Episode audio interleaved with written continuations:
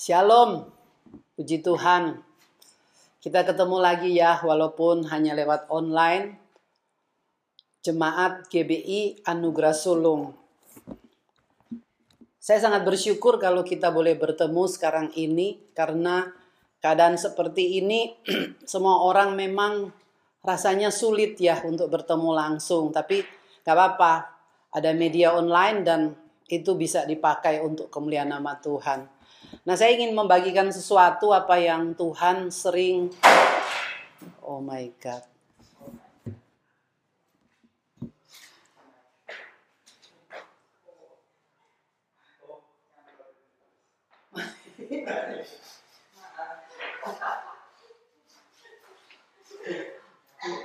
Duduk diam situ semua jangan jalan-jalan. Mau jangan batuk. Sudah kok?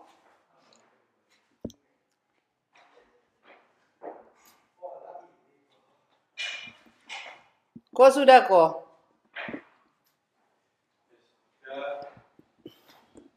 dua,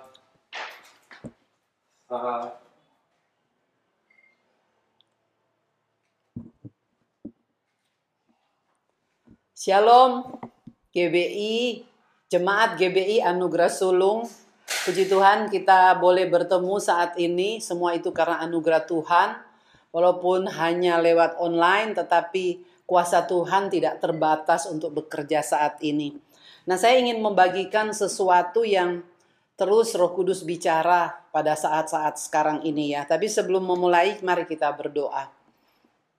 Bapa di dalam nama Tuhan Yesus Kristus, saat ini Tuhan kami sangat bersyukur bahwa Engkau masih memberikan kami kesempatan untuk bertemu walaupun hanya lewat online masih engkau beri kami kesempatan dengan kesehatan yang berasal daripada surga untuk kami beribadah bersama-sama uh, jemaat GBI Anugerah Sulung Bapa. Terima kasih engkau begitu baik, kau begitu besar dalam kehidupan kami.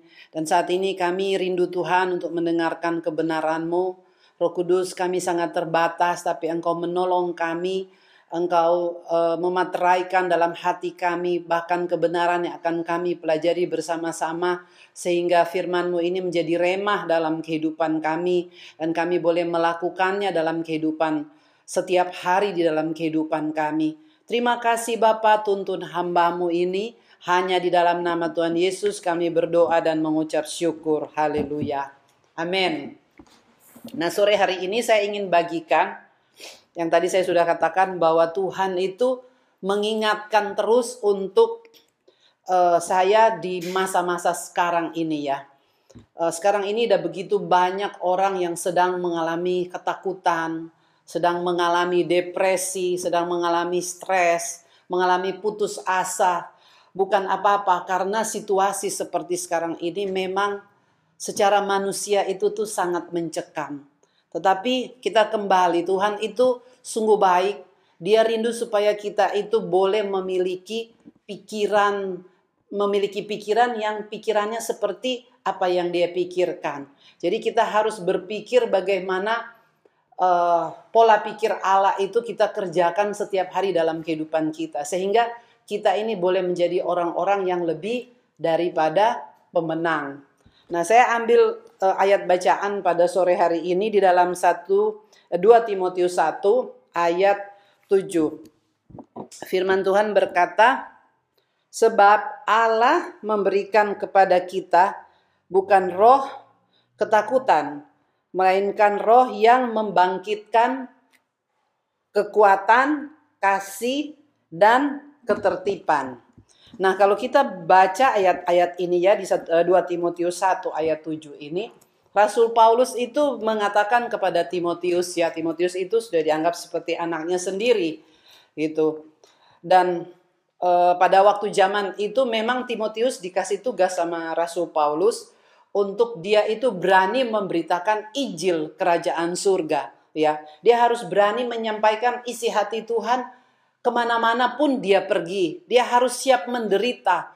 Dan dan dan Rasul Paulus itu mengingatkan kepada dia kepada dia bahwa Allah sudah memberikan kepada eh, Rasul Paulus dan juga kepada Timotius bahwa Allah berikan itu bukan roh yang membuat kita tuh takut ya takut untuk memberitakan Injil kebenaran firman Tuhan, takut untuk bersaksi siapa Tuhan Yesus pada saat itu ya. Nah, saat ini pun Tuhan tuh sedang mengingatkan kepada kita. Itu pada waktu dulu itu buat Timotius supaya kamu berani maju melangkah uh, siap untuk menderita untuk kerajaan surga. Nah, pada pada saat ini Tuhan tuh terus mengingatkan kepada saya dan saya ingin bagikan kepada saudara bahwa kalau kita lihat dalam Alkitab itu eh, satu tahun itu ada 365 hari ya. Dan setiap hari kalau kita baca Alkitab diselidiki ternyata ada 365 juga kata yang berkata bahwa jangan takut. Selalu Tuhan katakan jangan takut. Kenapa sampai kok pas 365 uh, kali perkataan itu persis di dalam satu tahun karena Tuhan itu menginginkan supaya kita umatnya itu selalu mempercayai bahwa setiap hari kita tuh tidak perlu takut gitu ya. Kita tidak perlu khawatir, kita tidak perlu gelisah, kita tidak perlu bingung apalagi kalau kita melihat hari-hari ini hari-hari yang begitu mencekam di mana kita lihat media, di mana kita lihat berita di mana-mana bahwa Orang mati, orang kena COVID, orang kena serangan jantung, orang macam-macam. Dan saya pun secara pribadi, secara manusia itu ya takut, ya. Tapi pada waktu uh, Tuhan berbicara, itu membuat uh, saya kembali untuk oh ya Tuhan, aku tidak perlu takut. Waktu saya berdoa, saya baca firman, saya renungkan, Tuhan terus ingatkan dan ayat-ayat ini tuh sungguh-sungguh sangat mengingatkan. Haleluya. Nah, Allah itu berkata bahwa lewat Rasul Paulus, Allah berkata bahwa aku sudah memberikan kepadamu itu bukan roh ketakutan, tetapi aku memberikan kepadamu roh apa? kekuatan, kasih dan ketertiban.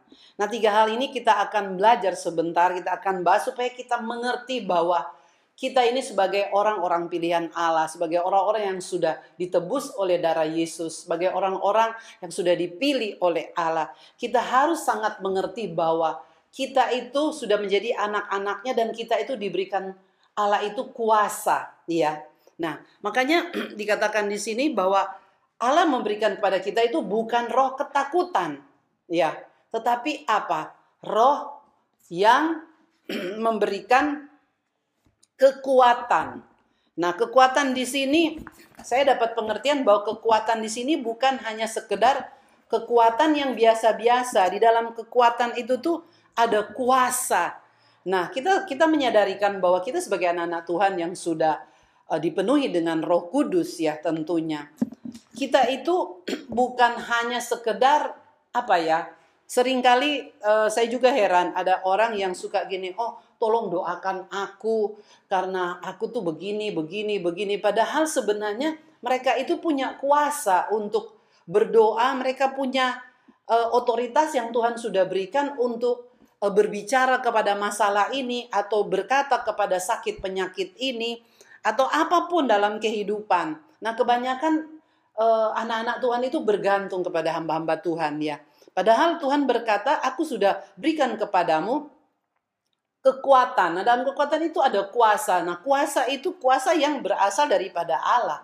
Karena kuasa itu berasal daripada roh yang ada di dalam kita. Jadi, kekuatan kuasa yang Tuhan berikan itu bukan kekuatan diri kita sendiri, tetapi kekuatan yang Roh Kudus berikan kepada kita. Amin.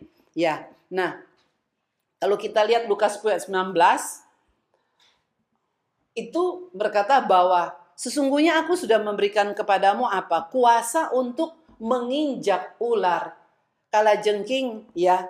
Aku sudah memberikan kamu kuasa untuk menginjak ular naga eh, dan kala jengking dan menahan semua kekuatan musuh sehingga tidak ada yang akan membahayakan kamu. Itu salah satu kuasa yang Tuhan sudah berikan kepada kita. Nah, kita sering kali sebagai anak-anak Tuhan, kita itu tidak menyadari hal itu sehingga pada waktu seperti contohnya sekarang ini, kita menghadapi situasi seperti ini. Ada beberapa teman yang uh, mengalami ya, keluarga juga mengalami sakit penyakit ini ya, COVID-19 ini. Tapi mereka ya memang wajar ya minta doakan. Tetapi kita harus sadari bahwa umat Tuhan sudah diberikan Tuhan itu kuasa. Dan kita harus bertindak dengan iman. Karena Tuhan katakan, aku sudah berikan kamu kuasa. Tuhan sudah berikan kuasa kepada jemaat GBI Anugerah Allah. Dan kuasa itu bukan kuasa biasa-biasa. Kuasa yang bisa menghancurkan setiap kekuatan musuh. Karena tadi saya katakan Lukas 10 ayat 19 itu bahwa Allah sudah memberikan kita kuasa untuk menginjak ular naga dan kala jengking dan menahan semua kekuatan musuh sehingga tidak ada yang akan membahayakan setiap kita. Nah, itu kita harus praktek. Ya jangan tinggal diam. Waktu kita mengalami masalah, waktu kita mengalami sakit penyakit seperti sekarang ini, kita tuh loyo, nggak ada tenaga. Memang ya, saya mau katakan saya mengalami itu waktu tahun lalu, di mana akhirnya Tuhan memanggil suami saya pulang ke surga. Tapi saya mau katakan suami saya pulang ke surga bukan karena dia COVID, tetapi karena waktunya dia sudah harus pulang. Kenapa? Rumahnya sudah selesai Ya rumahnya di Firdaus di surga itu udah selesai. Dan tugasnya di bumi sebagai seorang suami, sebagai seorang ayah, sebagai seorang anak itu sudah selesai. Makanya dia dipanggil pulang. Memang pada waktu saya mengalami itu saya diintimidasi oleh iblis dengan ketakutan-ketakutan yang yang saya pikir itu tidak masuk akal. Tetapi pada akhirnya suatu hari waktu saya datang kepada Tuhan, saya datang memuji menyembah Tuhan, tiba-tiba Roh Kudus berkata, "Bangkit kamu sebagai seorang laki-laki." Bayangkan saya ini wanita ya. Saya waktu itu saya dalam keadaan sakit. Kenapa? Karena saya ada perubahan hormon dalam tubuh saya. Sering saya tidak bisa tidur. Ya berbulan-bulan saya alami itu sampai saya harus makan uh, bubur setiap hari karena perut saya kembung karena malam itu tidak bisa tidur. Coba saudara dua tiga hari aja nggak tidur, saudara pasti stres. Saya berbulan-bulan. Makanya kalau hari ini saya masih sehat, saya masih ada, itu anugerah Tuhan. Dan saya alami bagaimana iblis itu mengintimidasi saya, suami dan anak-anak luar biasa. Tapi puji Tuhan, lewat itu saya betul-betul merasakan waktu saya menempel sama Tuhan, saya bergantung sesungguhnya kepada Tuhan ada kuasa yang Tuhan berikan sampai suatu hari Tuhan bilang, berdiri engkau sebagai seorang laki-laki. Di situ saya bangkit rohnya dan saya mulai hardik setiap kekuatan kuasa kegelapan yang mencengkeram keluarga saya.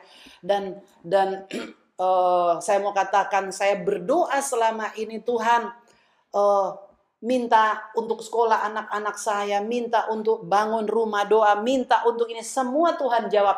Tapi satu doa yang Tuhan tidak jawab pada saat itu ya adalah sewaktu itu saya minta Tuhan sembuhkan suami saya. Tuhan tidak jawab, malahan tunggak Tuhan panggil pulang. Tapi di situ saya menyadari bahwa saya tidak bisa melawan kedaulatan Tuhan. Sudah waktunya uh, suami saya itu harus kembali pulang. Nah kembali lagi ya, iblis itu dia tuh suka sekali memberikan kita itu intimidasi dengan ketakutan-ketakutan.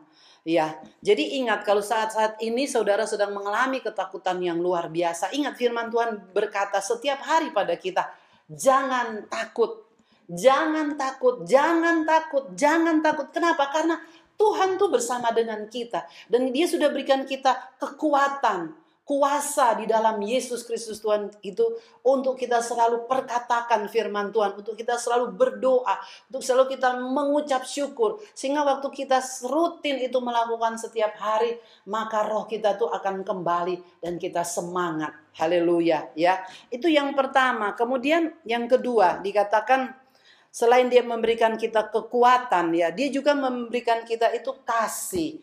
Nah, kasih itu apa sih?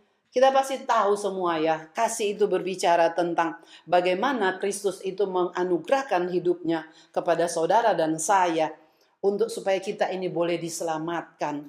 Nah, Tuhan memberikan kita kasih itu kepada kita supaya kita boleh melakukan itu dalam kehidupan kita setiap hari. Jadi kita boleh hidup di dalam kasih Allah. Kita boleh hidup di dalam kekuatan Allah. Kita boleh belajar terus melakukan firman Tuhan setiap hari dalam kehidupan kita. Sehingga kita ini eh, layak disebut anak-anak Tuhan ya. Terus yang ketiga dikatakan dia juga memberikan kita itu ketertiban. Nah, ketertiban ini berbicara tentang apa? Itu bicara tentang disiplin, berbicara tentang keteraturan sebagai anak-anak Tuhan.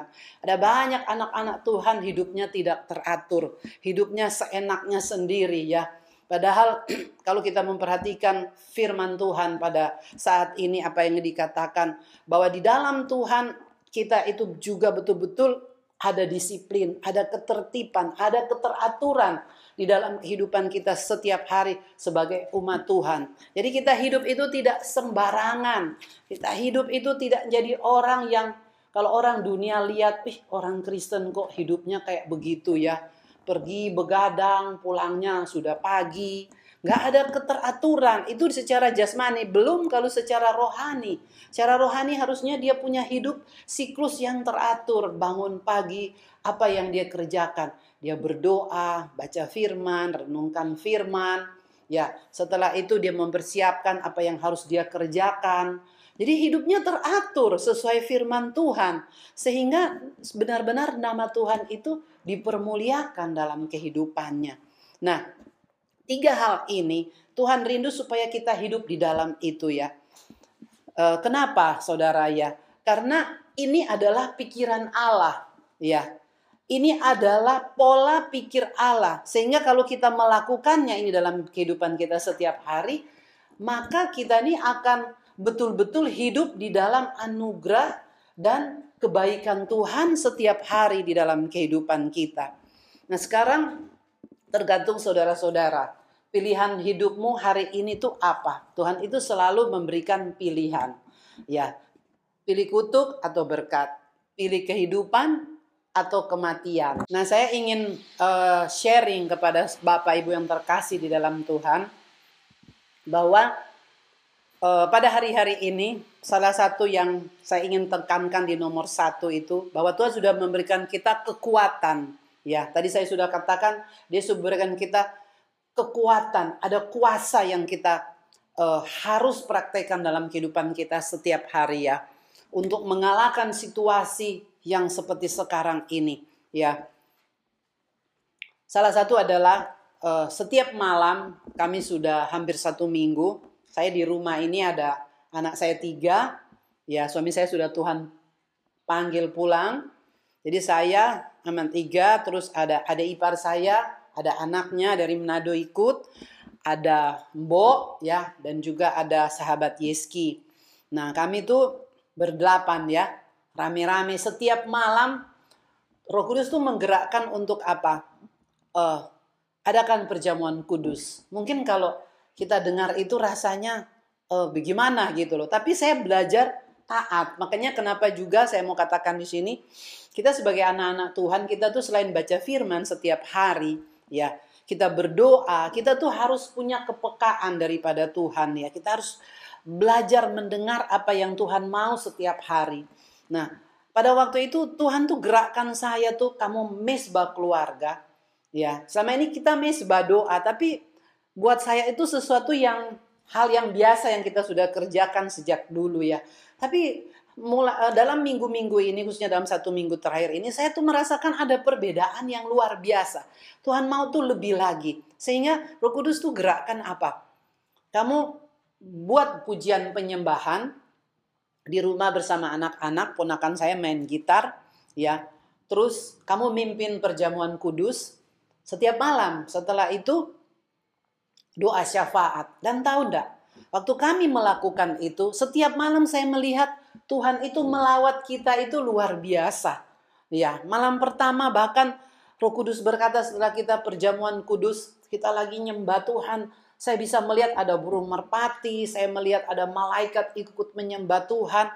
Dan waktu itu karena kami lockdown di rumah ya, eh, bosan juga. Ada ipar saya itu waktu siang dia bilang gini, Kak, ya apa kalau malam kita di mobil aja kita jalan-jalan lihat kota Surabaya gitu. Tapi pada waktu kita menyembah Tuhan, Roh Kudus ingatkan, kamu pingin jalan-jalan kan, lihat kotamu gitu. Kamu pergi sekarang setelah kamu mesbah keluarga ini setelah perjamuan kudus setelah doa syafaat, kamu mulai doakan kota Surabaya. Kamu mulai berkati daerahmu, tetangga-tetanggamu, berkati daerah Wisma Gunung Anyar, setelah itu berkati kota supaya kamu keluar jalan sampai saya bawa disinfektan terus saya mulai doa buka kalau nggak ada orang kita buka kaca kita semprot dalam nama Yesus kota Surabaya ini kota yang bersih kota yang kudus kota yang tidak ada sakit penyakit, kota yang makmur, kota yang penuh kedamaian. Jadi Tuhan itu menyuruh untuk melakukan itu, melepaskan kuasa yang Tuhan sudah berikan kepada kita. Dan Tuhan katakan tidak perlu takut untuk melanggar karena banyak kan orang kalau disuruh doa kota itu aduh nanti pasti perang sama setan.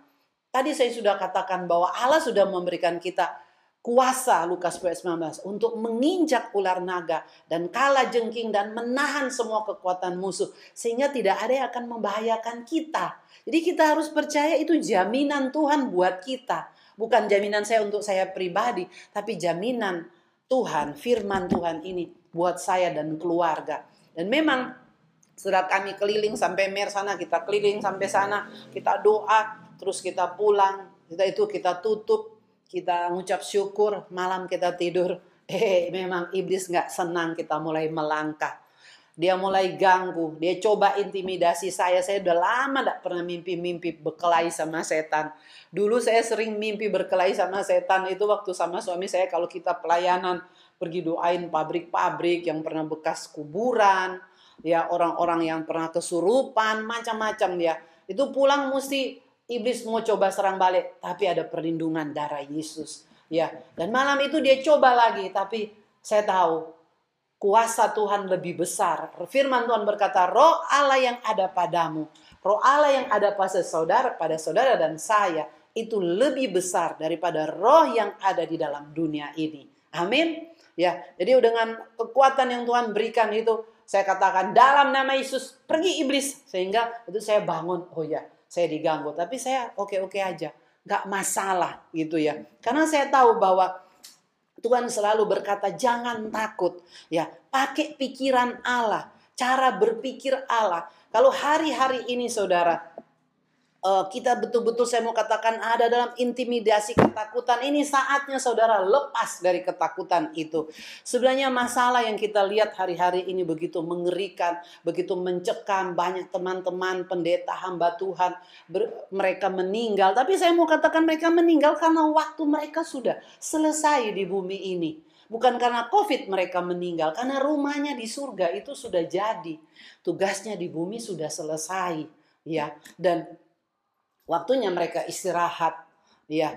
Nah, waktu kita penuh dengan ketakutan itu Allah tuh selalu berkata kepada saya, "Coba ya, kamu pernah di diingatkan uh, sama anakmu yang paling besar kan si Yeski. Dia bilang, "Mah, bumi ini mah cuman kecil begini loh, Mah. Kalau kita itu berada di luar angkasa. Waktu kita itu berada di kita lihat dari luar ya, kita lihat Andromen, Andromeda ya. Kita bisa melihat dari luar itu bumi itu hanya se seperti bola bekel. Masih ada planet-planet lain itu yang lebih gede. Nah waktu itu waktu saya terus bergumul melihat situasi ini. Tuhan terus Roh Kudus selalu berkata, pakai pikiranku, pakai cara pandangku, pakai kacamataku. Sehingga kamu melihat masalah ini tuh tidak ada apa-apanya. Kamu pun tidak takut, tidak terintimidasi. Bayangkan saudara karena kita takut tuh sampai mau ke pasar aja takut. Mau belanja aja takut. Karena katanya virus sekarang itu lebih ganas daripada yang tahun lalu. Memang betul sih. Tetapi kita harus ingat kita juga selain doa kita harus berhikmat ke mana-mana kita pakai masker dua lapis ya.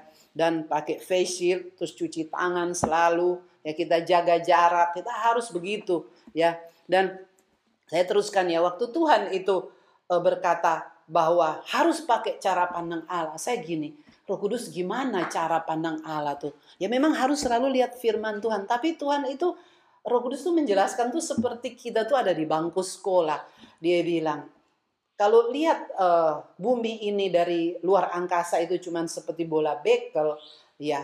Dan firman Tuhan berkata bahwa langit itu tahtanya Allah dan bumi itu hanya tempat tumpuan kakinya Allah.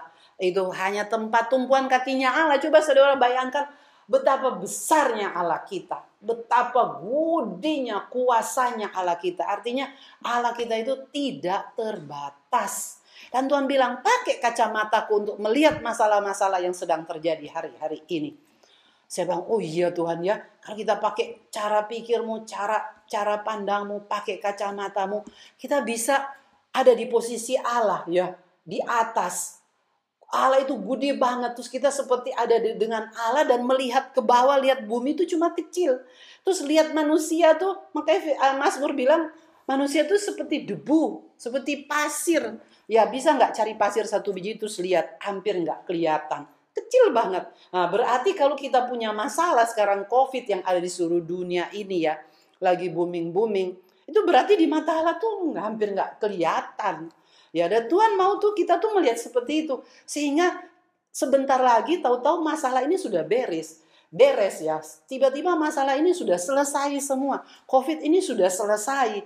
Karena apa? Kita pakai cara pikir Allah. Kita pakai cara pandang Allah, kita pakai kacamata Allah. Dan itu yang Allah mau kita kerjakan setiap hari dalam hidup kita. Sehingga kita tuh tidak diliputi dengan ketakutan-ketakutan yang nggak masuk akal yang yang aduh kasihan banget memang sih saya sudah pernah alami saya sudah cerita tadi kan bagaimana saya lemes nggak bisa apa-apa tapi anak-anak saya Tuhan pakai luar biasa mereka pun kena covid tapi mereka tuh ada semangat yang luar biasa bisa lewati semuanya dan saya bersyukur sudah tujuh bulan lalu suami saya berpulang tanggal 7 Desember. Mungkin teman-teman di GBI Anugerah uh, Anugerah Sulung tuh mungkin kaget ya.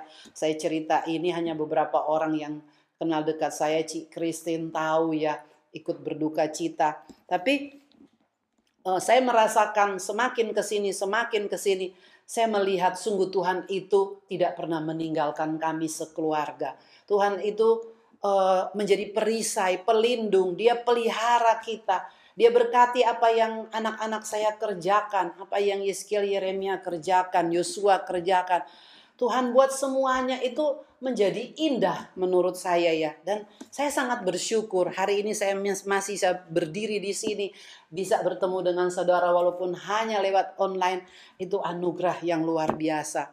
Nah mari saya mau katakan apa yang saya ceritakan tadi bahwa kuasa yang Tuhan sudah berikan kepada kita itu kita praktekkan setiap hari dalam kehidupan kita ya.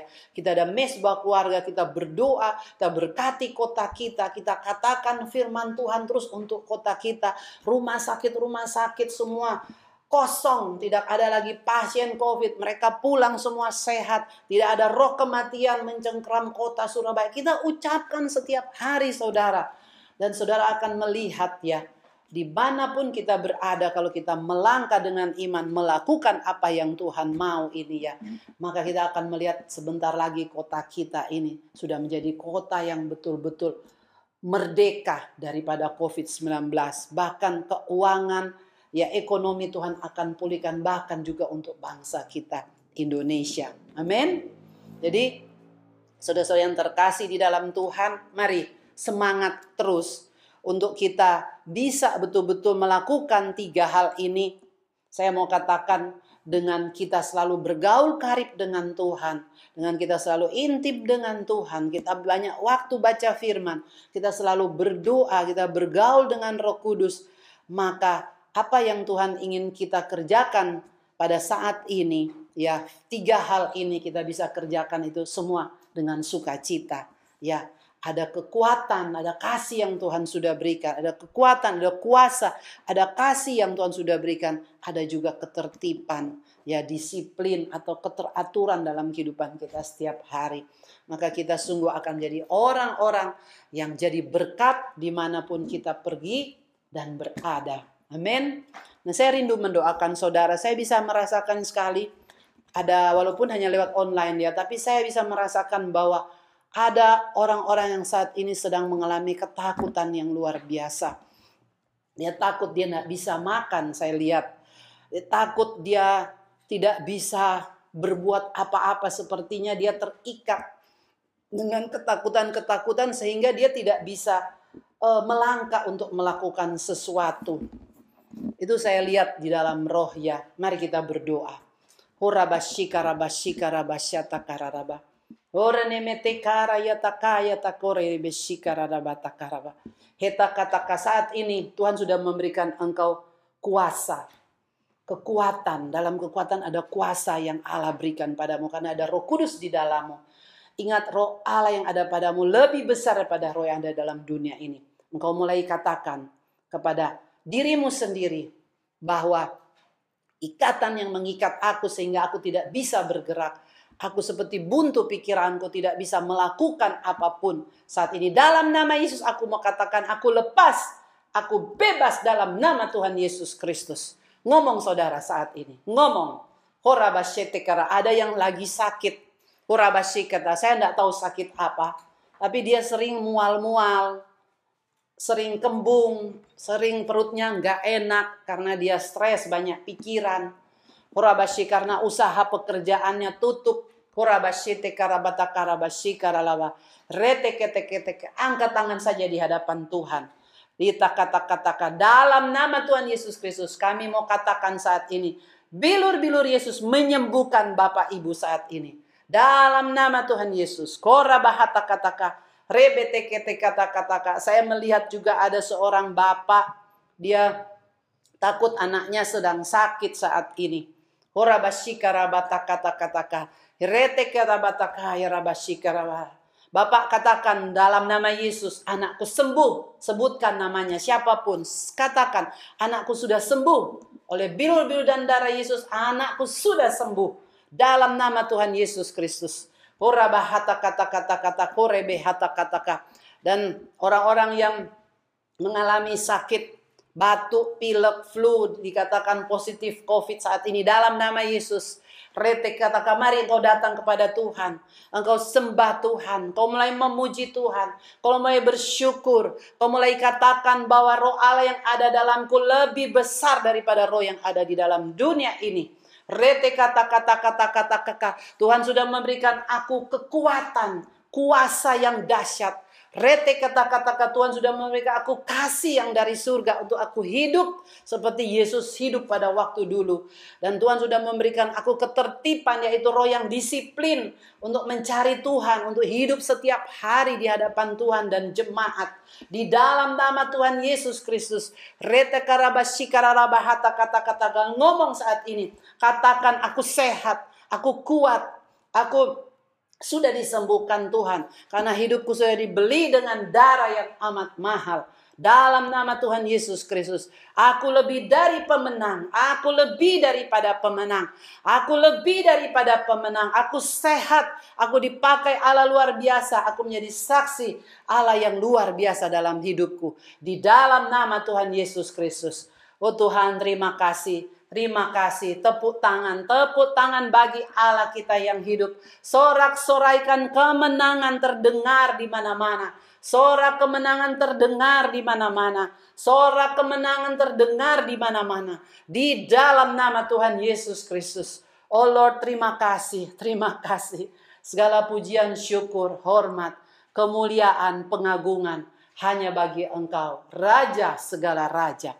Bapak terima kasih. Hamba sudah sampaikan isi hatimu, Roh Kudus akan terus bekerja. Kami boleh berhenti berdoa, berhenti menyampaikan isi hatimu, menyampaikan isi hatimu, tetapi Roh Kudusmu tidak pernah berhenti bekerja saat ini. Terus, teruskan dan teruskan Bapak. Berkati hamba-hambamu, berkati umatmu di GBI Sul, Anugerah Sulung ini, berkati hambamu Tuhan, gembala, Ibu Syani Tuhan, wakil jemaat, suami, istri semua. Eh, diakan-diakan, Cik Kristin Tuhan, sekeluarga dalam nais pulihkan. Lebih lagi Tuhan, sembuhkan Cik Kristin juga dengan luar biasa Tuhan. Terima kasih, terima kasih. Kami percaya mujizatmu sudah dan sedang bekerja sampai saat ini.